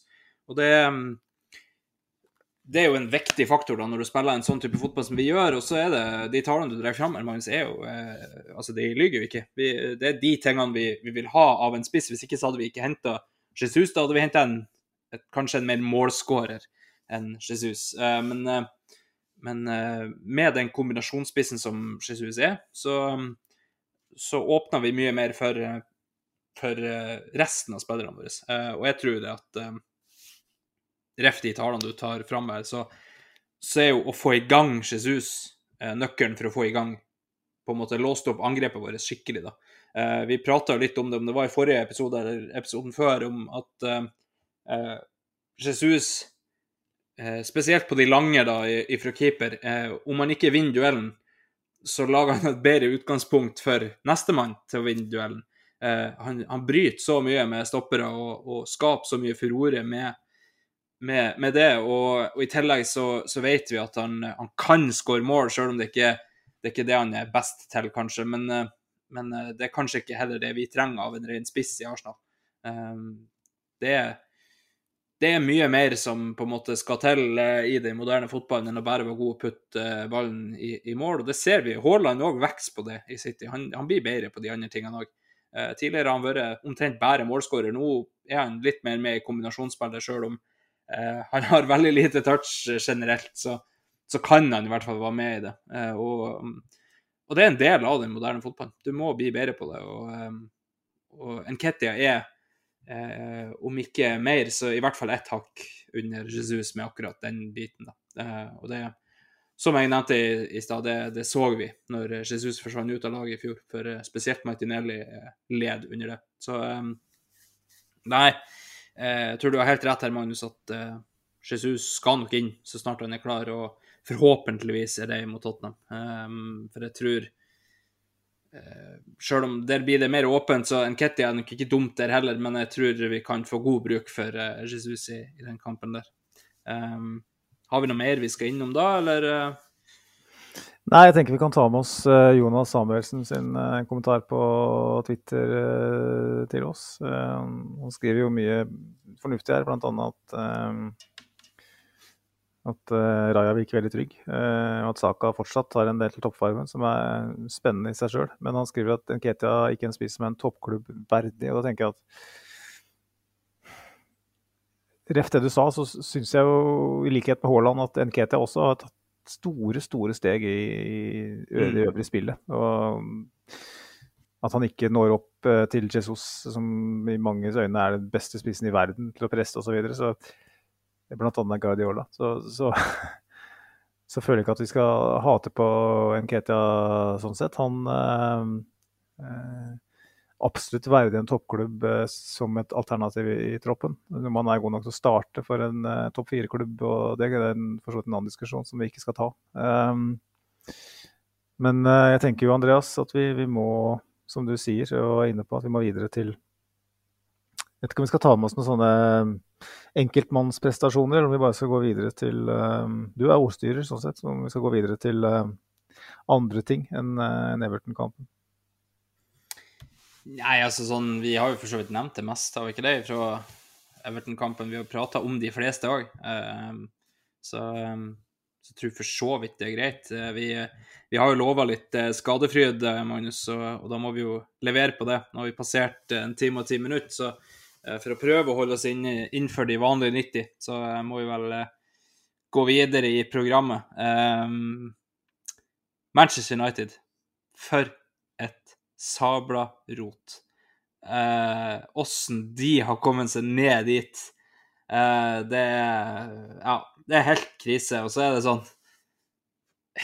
Erik Ten Hag kan ikke noe for Greenwood og Anthony Saken. Det altså, det det, er ikke det men det, det hjelper jo ikke. Jeg har jo sagt uh, til dere i, i chatten vår at uh, det er faen ikke sikkert han uh, overlever sesongen i år, altså. Um, min mye nevnte kompis som er United-fan, var jo på kamp i dag med Luri FK. mitt kjære Luri FK. Og, um, og der var han ikke nådig, altså, mot, mot sitt kjære United. Det var de klarer ikke å etablere angrep. Rashford er en jævla sytkuk som ikke eh, liker å spille pasninger, han bare skyter sjøl. Vi spiller med Bruno Fernandes som stopper de siste 20 minuttene istedenfor å sette på en av de vi har på benken. Eh, og så avslutter han da med at Og Erik Ten Hag, han er faen ikke freda i det laget her, altså. For eh, det er greit at, at, det er mye som ikke er hans skyld, men eh, når du velger å stille med Bruno Fernandes de siste 20 minuttene du trenger mål eh, på, på stopperplass. Da, da, er det mye rart i, i, den klubben der, altså. Jeg skjønner at du ikke vil avslutte kampen sånn som mot oss med, med Maguire og Evans eh, som stopperpar, men eh, ai, ai, hvor man skal begynne hen, Magnus? Jeg tenker først jeg skal nevne at du, at du lever opp til eh, eh nordlendingstempelet mer enn noensinne. Du banner jævlig mye. Hadde det vært en amerikansk podkast, hadde jeg fått 10 000 øre på det. Uh, men det, det, er bare bra. Jeg syns det er gøy å høre på en nordlending uh, er på skøyta, for å si det sånn. Uh, men hvor skal man begynne med det her? Du har jo begynt, det kan jo fortsette. Og det er Det jeg vel skrev til dere i går, at hvordan har man havna her?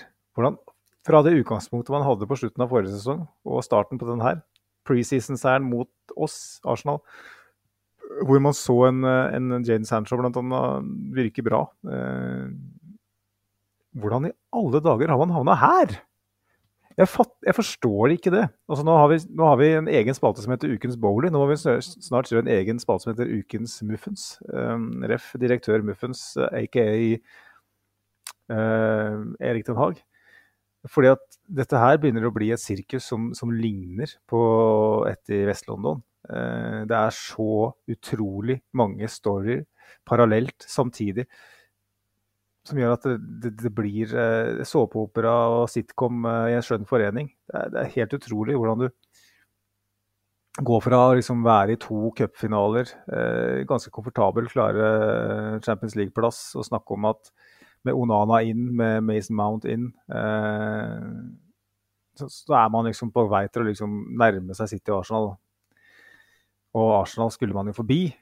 Det var ikke tvil. Arsenal var jo et one season wonder. Eh, så står man nå med begge altså Man kan jo, kan jo trekke paralleller til Arteta, som, som, taper tre kamper på rad i 2021. Eh, mot City og Chelsea bl.a. Og stå med møkk til anklene, liksom. Og her står faen meg Ten Hag med en møkk opp til geitbukkskjegget, altså. Eh, etter fem serierunder. Eh, og feelingen vi hadde rundt Arteta, var sånn at det her, det, det snur vi.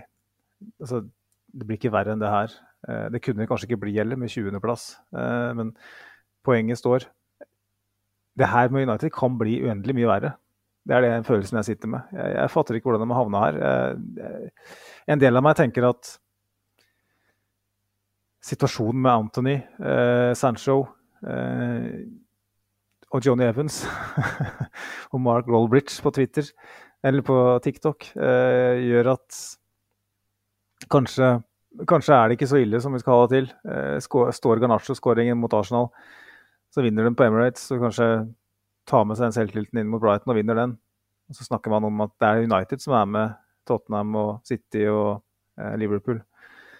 Eh, og så er det så er det liksom Det, det, det, det er betimelig eh, en klubb, klubb som er på randen av eh, noe helt kataklysmisk, katastrofisk. Når man liksom en offside-avgjørelse kan kan på en måte vippe deg fra å være i, i uh, himmelen til det dypeste, dypeste helvete. Dypeste avgrunn. Uh, og for så vidt observasjoner, det her, men Andreas, det er jo kanskje det mest interessante med å snakke om United, det er jo parallellene til KSI eh, og Arsenal, eh, hvis vi tar og skrur klokka litt tilbake. Det var jo en ganske sånn gjengs eh, måte å agere på når, når Arsenal tapte en fotballkamp for noen år siden. Eller tapte noen kamper på rad, så var det sånn Ja, men det er jo eierne. Det er KSI. De, de er ikke hands on nok. De, de, følger ikke nok med i timen. Det er dem som lar det skure og gå. og det er dem som gjør at uh, Wenger sitt laguttak uh, og disposisjoner ikke funker. fordi at det er, det er råttent. Uh, en fisk råtner fra hodet og alt det der. Og det er jo United-fansen sin nye ryggmargsrefleks. Ikke nye, det har fortsatt vært det lenge, men enda mer enn noensinne. Å gå fra å, å, å hylle Ten Hag og, og, grep han har gjort, til å liksom hver eneste gang han sier noe fullstendig uforståelig i en pressekonferanse dagen etter kamp, så, eller rett etter kamp, og, og har disposisjoner som man ikke, ikke kan forstå, eh, gjør kjøp man ikke kan forstå, så er det liksom sånn Nei, men det, det er jo eierne. Det er Glazers. Det er alltid Glazers. Men vinner man, så er det Ten Hag. Er det, er det sånn, Andreas, at uh, at det her Det er altså mental, eh, mentalt kjør over så lang tid at man, man har, blitt, har, kjørt seg helt fast i et spor. og Man klarer ikke helt lenger å se nyansene. Hva er det som, er det som skjer, egentlig? For Jeg synes det blir litt sånn, jeg forstår inngangen, liksom, men å skylde på Glazers for absolutt alt, når, når åpenbart en Hag gjør feil, det syns jeg blir uh, merkelig. Ja, det blir det. Um, Ref det du sier om at han står i, eh, i møkk til, til, skjegget, det er jo òg en sånn kjent sånn KLM-greie at uh, hvis du står med, med møkk opp til, til haka, og så er det noen som kaster en ball på deg, hadde du dukka da? Um, vi får se hva, hva Ten Hag gjør hvis den kommer. Um, nå um, Altså, det er jo en interessant sammenligning da med, med, med våre eiere og deres eiere. Uh, jeg syns jo kanskje at uh, altså my, mye av det vi holdt på med når vi kjefta på eierne, var ja, veldig teit, for managerne gjorde feil. Men jeg syns jo på en måte de, de lot det bli skakkjørt på, på et, eh, et, ganske administrativt uh, nivå. Og det har for så vidt Glazers gjort òg, men, men sant, vi, vi henta en manager, og så henta vi ikke spillerne han ville ha. Ten Hag han får omtrent det han peker på, uh, som igjen gjør at skylda kanskje må legges litt mer på han. Uh, og det er Ten Hag som ikke prioriterer å få ut Maguire og få inn en bedre stopper i, i, begynnelsen av vinduet, når de vet at Varan er Ja, han har jo en kropp av glass, eh, og, og, de vet at, eh, at Martinez han Enten så kan han få kort, eller så kan han faktisk ryke på skade, han òg, og da står du plutselig med Maguire og Evans. Eh, det, er, det er klubbledelsen som, som eh, ikke har som prioritet å, å gjøre noe med. Um, de henta Onana, og så ser jeg jo Goldbridge, som, uh, som du nevner her. Han, uh, han sitter jo nå etter kampen i går og, og, og sier at uh, vi, vi, skulle ikke ha latt De Gea gå i år. Vi, vi, skulle ikke ha bytta han ut i år. Vi skulle ha bytta han ut neste år. men, men det var jo samme karene som satt og ropa om at De Gea må ut, og De, Gea må ut for han er ikke bra nok med ball i bein.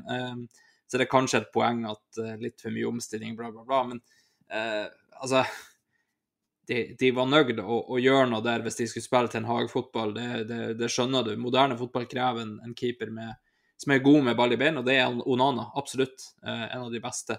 Så, um, så, akkurat det er jo ikke noe å ta de på. Men, men jeg, jeg syns jo du har et uh, legitimt poeng der når det er, det er, så tydelig at manageren gjør mye rart.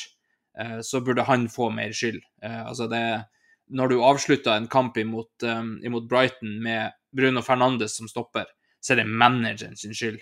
Eh, det, det er ikke eierne sin skyld, altså. Når du trenger mål, du ligger under 3-1, og så skal du kjøre med Bruno Fernandes som stopper. Eh, det, det, det, det rimer ikke helt i min bok, i hvert fall. Um, og, og, når du i tillegg Altså, litt uflaks er det jo at, at denne disputten han har med Sancho, kommer samtidig som Anthony. Uh, så klart er det litt uflaks, men samtidig det er han som velger å kaste Sancho under bussen. Uh, Sancho kommer ut og, og, forsvarer seg med at det, han trener ikke dårlig, og det er noe annet som ligger bak, og bla, bla, bla. Men, men altså, det, det, er jo Ten Hag som velger å kaste han under bussen. Uh, og da står du plutselig uten, uh, uten begge høyrevingene dine. Det er liksom det, det, er så mye råttenskap i den klubben der at jeg tror det skulle ha krevd noe ganske heftig av en manager. å, å, å få retta opp i det. Eh, men, eh, men, nå har de hatt så mange sånne her false dawns, med, både med Ole Gunnar Solskjær, de vant Europa League, med, med Mourinho altså, eh, Så var det altså De har jo hatt før det òg, for så vidt, med van Gaal, som var det nye, nye geniet, og eh, Moyes, som egentlig aldri ble noe særlig suksess. Men, men som du sier, altså det, det, utgangspunktet de hadde da før sesongen i år, var liksom Eh, de var det tredje beste laget i England, og, og, de skulle forbi oss. Det var det de liksom Det var det de skulle. Um, så vet vi at ja, Newcastle var jo òg inne i det, så klart, men de hadde det ganske greit på slutten av sesongen i fjor med å få den fjerdeplassen. Uh, og, um, og da plutselig står nå med, med at fansen sier de har gitt opp uh, alt som heter liga. De, altså de, de, de, må bare fokusere på Champions League. De må, altså, det, det begynner å bli ganske heftig, denne stormen rundt både klubben, rundt eierne og rundt Ten Hag. Eh, så vet vi at Gary Neville er kjempeglad på eh, til, Altså, han skylder på eierne uansett hva det er for noe. Eh, hadde han fått feil brus i koppen inni der, så hadde det sikkert vært eierne sin skyld, det òg. Eh, men, eh, men, det er liksom det der Alt kan ikke være eierne sin skyld. Og, og, når manageren gjør feil valg, så er ikke det eierne sin skyld. Um, jeg skjønner prioriteringen de gjorde i sommer, men litt som de i Vest-London. Når, når, du står og har bruka sånn som de i Chelsea da, og bruker en milliard pund, så uh, kan du ikke stå der etterpå jeg vil mangle en midtbanespiller. Jeg vil mangle en bra nok spiss. Jeg vil mangle det og det og det. og det. Uh, United har bruka jævla mye penger, de. Og um, å stå der og se at du har svære, gapende høl i, i stallen din da, da har ikke jeg så veldig mye sympati. Altså. Det, det ble langt, det her å utgreine, Magnus. Uh, hva du tenker om uh, om situasjonen videre her nå? Nei, altså det blir jo litt som eh, Du spiller monopol, og så, så, har du både Slottsplassen og Ullevål Hageby, og du har eh, Sinsen og Lambertseter og osv. Og så, så velger du å, å bruke alle pengene dine på å bygge hotell på Drammensveien og Mosseveien. Eh, og så havner du på Studenterlunden eh, eh, på et hotell, og så taper du alle, alle pengene dine. Det er litt sånn helt utrolig at man klarer fra et sånt utgangspunkt å, å rote det til så jævlig. Men jeg, jeg må jo bare ta Ten Hag litt i forsvar. Som nesten sånn djevelens advokat, sånn sett. Men litt sånn ref den, det norske Stortinget. Hvorfor er det ingen voksne på jobb? Eh, når, når, når Antony blir kjøpt for 800 millioner, 900 millioner hvor, hvor, hvem, Altså eh, Man skulle tro at, eh, at, voksne finnes, at sindre finnes. Eh, at, at, at, noen finnes eh, der inne som, som, på en måte kan være litt vaktbikkje. Liksom, og bare si at det her, kanskje vi skal gi faen i det her, liksom. Eh, og flere eksempler på, på akkurat det. da. Eh, og så eierne sitter jo med ansvaret. man må sørge for at, at det er noen i det rommet som representerer eierne, eh, som sier at beklager det her, det får du ikke lov til. Eh, selv om du, vi har sagt at du skal få alt du peker på, så, så finnes det en grense. Liksom. Vi, vi, kan ikke betale det her for altså Vi kan ikke betale russisk kaviarpriser for Mills. Eh, det går rett og slett ikke an. Eh, der føler jeg at United har eh, nok en gang gått i ei felle. og Vanskelig å være til en Hag, men som du sier, enkelte disposisjoner kan du ikke laste eierne for. Ukens muffens er jo én ting. En fast spalte i poden her har vært ukens Bowley. Jeg føler at jeg har fått sagt mitt, så tenker at jeg gir mikrofonen til deg. Kan ikke du snakke litt om det som foregår i Vest-London? Ja, de spilte jo den første 0-0-kampen eh, på 47 kamper eller noe sånt i Premier League, eh, borte mot eh, Bournemouth. Ikke et eh, lag som på en måte de fleste skjelver i buksene av å besøke. Um, så har jeg jo forstått det, at det var millimeter om å gjøre med et skudd fra Stirling der og bla, bla, bla, bla, bla. Men med, med det galleriet de har, så eh, ja. Du skal ikke være avhengig av marginer da, det, på, på én situasjon. Det er sorry, Mac, den kjøper jeg ikke. Eh, nå, har, eh, nå, har, godeste Bowley fått lov å altså For det første fått lov å bruke en milliard pund på, på tida si i klubben. Eh, for det andre så har han nå henta en, en, manager som er kjent for å bygge lag. Eh, og så sier du her er alle de beste unge spillerne i, eh, i, verden som vi hadde mulighet for å kjøpe. Vær så god, kjør. Og jeg, jeg syns litt synd i Pochettino, eh, som, som skal stå der. Altså så klart ikke altfor mye sympati med Pochettino med tanke på både hans bakgrunn og hvor han jobber nå, men, men eh, altså, å komme inn i en stall der de måtte bygge ut garderoben i fjor fordi at det var ikke plass til spillerne, eh, og så så har de eh, solgt unna noen i, i sommer. Eh, det er jo òg et overkommunisert eh, en sak, syns jeg, da, at ah, de får så mye for spillerne sine. De fikk mye for de som gikk til Saudi, det fikk de fleste. Eh, og så fikk de mye til de som gikk til Premier League-rivaler. De har ikke solgt av, av, den britiske øya, eh, annet enn til Saudi, som de har fått penger for. Det, mm, så jeg syns kanskje det burde tas med når, når, man skal diskutere hva de fikk for spillerne sine, kontra hva vi får. Um, samtidig så er det jo sånn Når du har henta alt som kan krype og gå av unge talent, med en gang de har en uh, YouTube-video med mer enn fire skills-setter, uh, så, så, er Bowley på tråden og, um, og, og skal ha de. Uh, I tillegg så har han en sånn her Han må jo ha avlytta noen telefoner i, på London Colony der, for med en gang Arsenal var interessert i noen, så ah, I'll give you 500 million dollars. It's not a problem. Så er det liksom bare, det er bare å røkke ut. Um, Kjør videre. Kjør videre. ja, Magnus er veldig glad i når jeg, når jeg kjører eh, Bowley-invitasjon, men uh, altså det, det, er liksom Det er jo kaos satt i Ikke satt i system engang, det, er, det er bare kaos satt i kaos. Eh, og, og, når du da forventer at det skal, det skal gå bra, det her med å kjøpe alle de beste spillerne, så bare gi de til en trener med et stort navn, og så er det greit. Eh, og så sier de at ja, vi, skal, vi skal gi han tid til å bygge Det sa de om Potter òg, det. Han skulle få tid til å bygge et lag, han. Fikk bare tre-fire måneder, han. Så var han ute. Eh, da sparka de en trener som nettopp har vunnet i Champions League. Eh, og så ja, henta Aubameyang fordi at Tuchel vil ha han, og så to måneder etterpå så bare Nei, tror ikke vi kjører med, med Tuchel, egentlig. Det, han, han, får, han, får, gå. Um, Aubameyang er vel fortsatt i Chelsea? Nei, han er i Marseille. Stemmer, stemmer, stemmer. Uh, men uh, ja. Um, han, han, han, bare seilte videre. Ja, bare seilte videre, ja. Det, det, begynner å bli bra. Han har gått i Alexis sine fotspor, han da. Uh, kommet seg dit.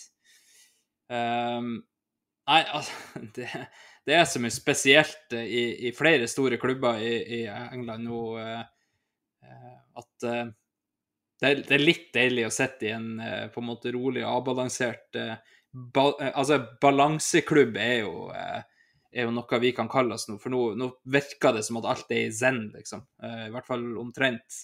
Uh, så ser vi jo nå denne uka at Vina gir seg etter uh, sesongen og alt det der, men um, ja, å, å sitte og se på kaos utenfra er ganske gøy.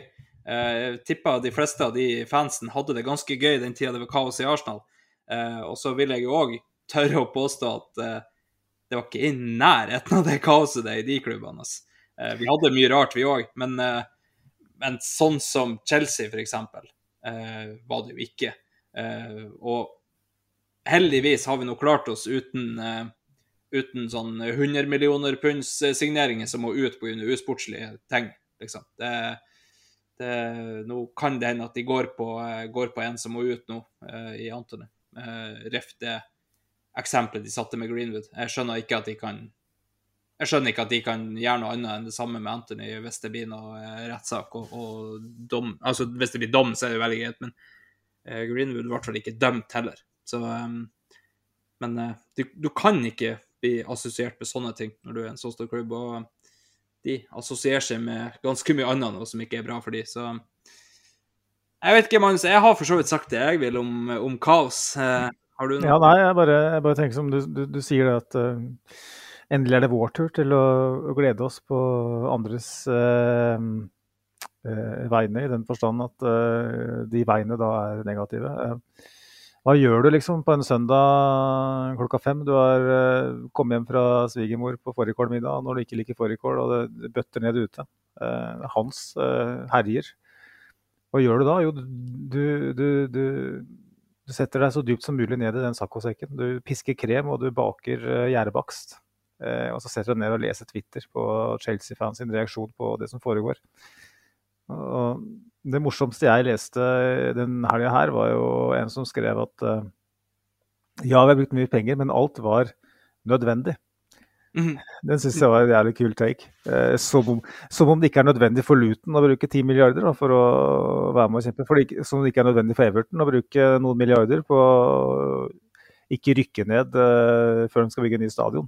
Synes, det er noen takes som bare er Som bare vitner om en sånn blind kjærlighet for egen klubb, da, som, som jeg håper at, at vi Arsenal-fans uh, i, i, størst mulig grad unngikk i, i, den perioden hvor ting var veldig kaotisk. Det, det, er så mye rart der ute, liksom. Å få seg til å påstå og hevde at, at det er nødvendig å bruke 10 milliarder på én sesong. Eh, det syns jeg er eh, oppsummerer det meste. Eh, I hvert fall når de vant Champions League for to sesonger siden. Ja. det er liksom, Dere var det beste laget i Europa for to sesonger siden. Hvorfor måtte dere bruke en milliard pund etter det? liksom? Så Hvis du sier at det er strengt nødvendig at du må bruke de pengene, så er det kanskje en operasjon. da. Du må kanskje reise utenlands for å få mm. medisinsk hjelp. Liksom. Det, er, det, er, det er høyst nødvendig å gjøre det her. Når er det når er det nødvendig å bruke penger, sånn høyst nødvendig, for å, redde en situasjon? Eller å liksom si noe sånt om, om Chelsea og det, der de er, det syns jeg bare er Det rører at det går an å få seg, til, få seg selv til å være så uh, sveiseblind. Um, og ref akkurat det, så så jeg en TikTok senest i går der en Chelsea-fan får spørsmål. Uh, de setter opp liksom den mest vanlige startelveren til, til Chelsea og Arsenal. Ville du vært han eller han, han eller han, han eller han. Han valgte Chelsea hele veien. Han tok alle Chelsea-spillerne over Arsenal-spillerne. Og det tror jeg faktisk ikke at vi kunne ha gjort når vi sto der i det verste. Altså, jeg hadde ikke vært William over Stirling når, når uh, han var i Arsenal, sant? Altså, uh, men, men, å få seg til å være bare Chelsea-spillere over det du har i Altså, han valgte Mudrik over Martinelli, f.eks. Ja, nei, men altså da Du velger Stirling over Saka? Nei, men da, da, da er det jo ingen hjemme. Det er useriøst, da. Da, da, da, finnes det ingen hjemme i, i det Nei, hodet. Det tenker jeg. Men uh, eh, 1.33 står det på klokka mi, Andreas. Uh, det er én ting jeg har veldig lyst til å bare kjapt kommentere. Uh, og det er, det er litt synd. Jeg burde kanskje ha latt være, men jeg må, for det er det som har engasjert meg mest denne helga, og det er tilleggstid. Mm. Nå har vi lagt bak oss en helg hvor um, både Aston Villa og Tottenham har vunnet kamper hjemme mot antatt svakere motstand. Eh, dypt inne i overtiden.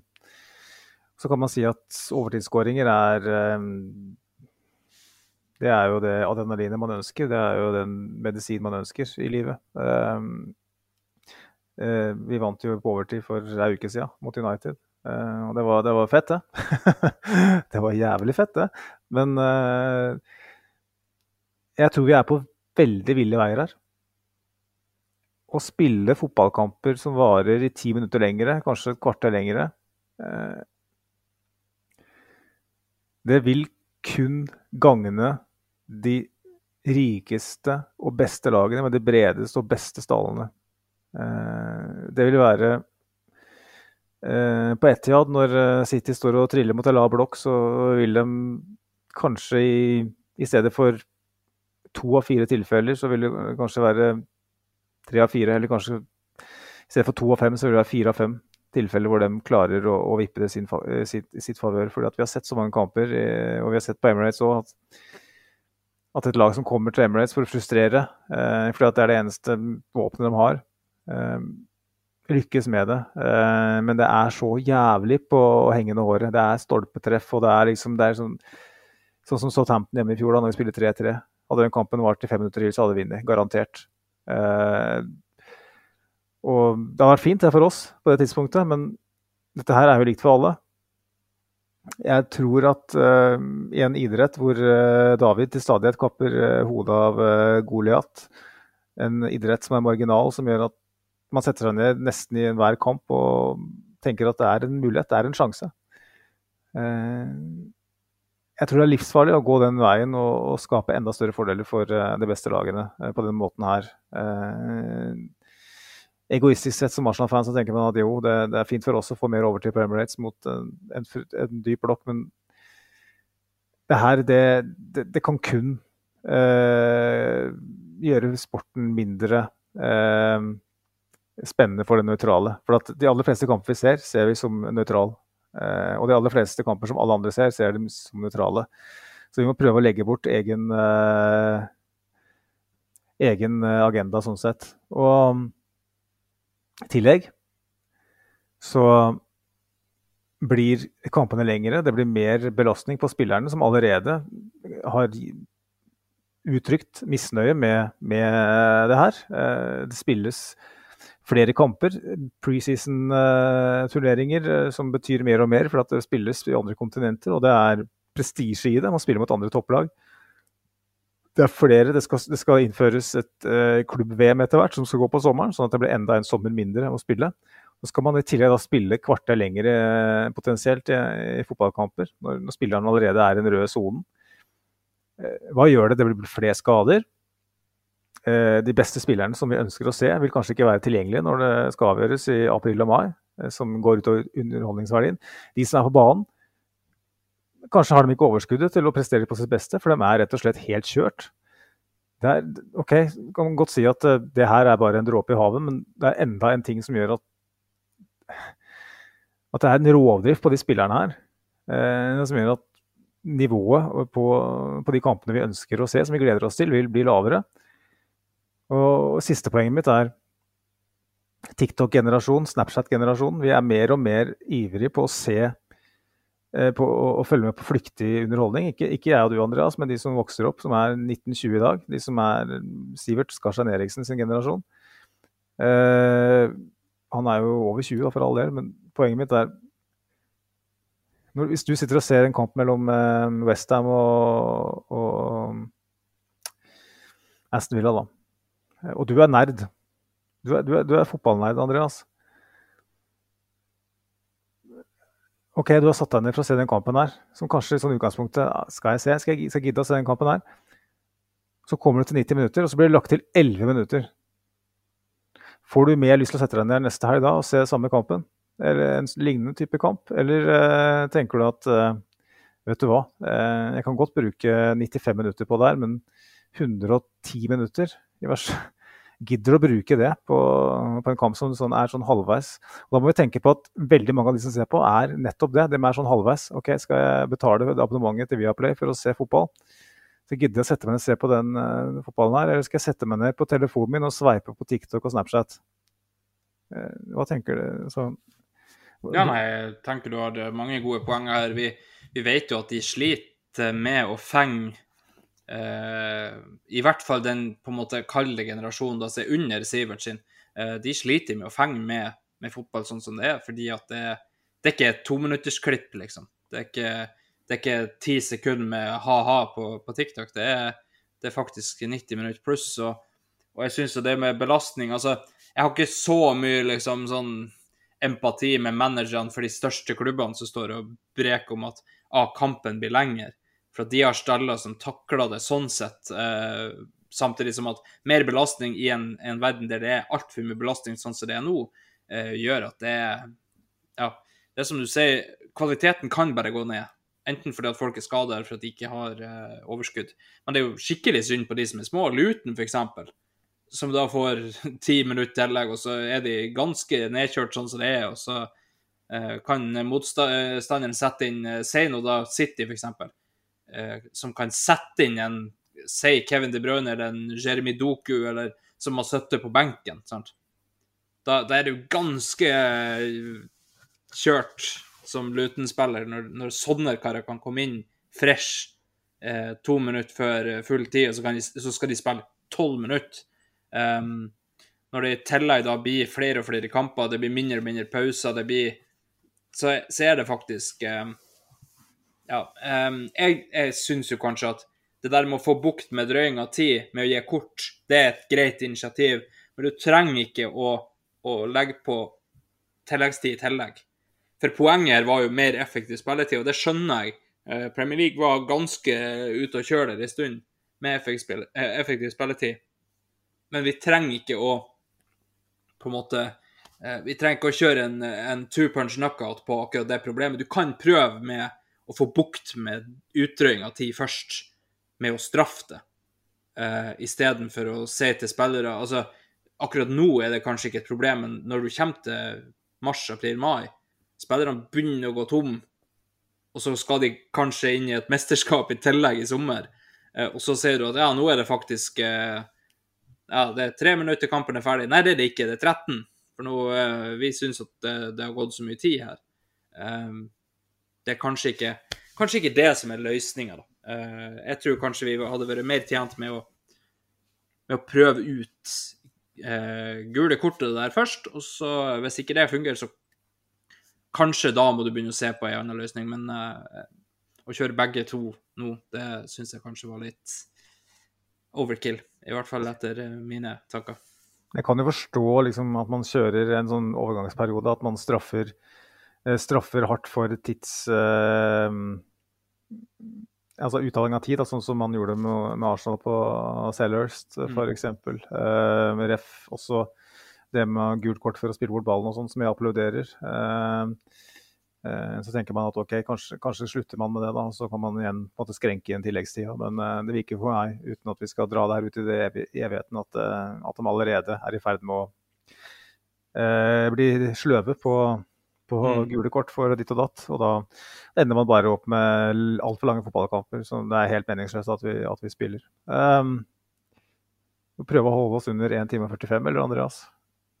Ja, å begynne med 15 minutter tillegg begynner jo å bli heftig, blir det ikke det? Så um, Da tenker jeg at uh, det får egentlig være, greit, hvis ikke du har noe mer.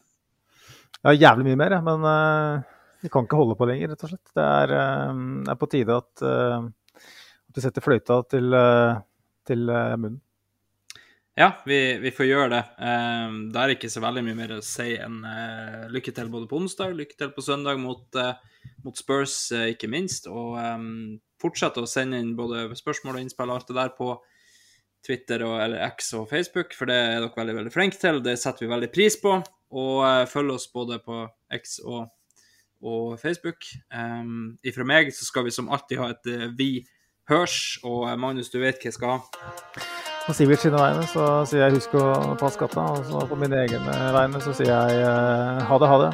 Hei.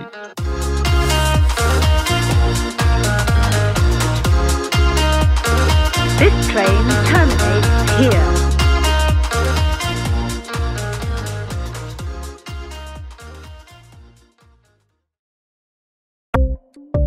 Ukens annonsør er Hello Fresh. HelloFresh er verdens ledende matkasseleverandør og kan være redningen i en travel hverdag. Mange av oss har nok vandret i butikken både sultne og uten en plan for middagen, som ender med at vi går for de samme kjedelige rettene gang på gang.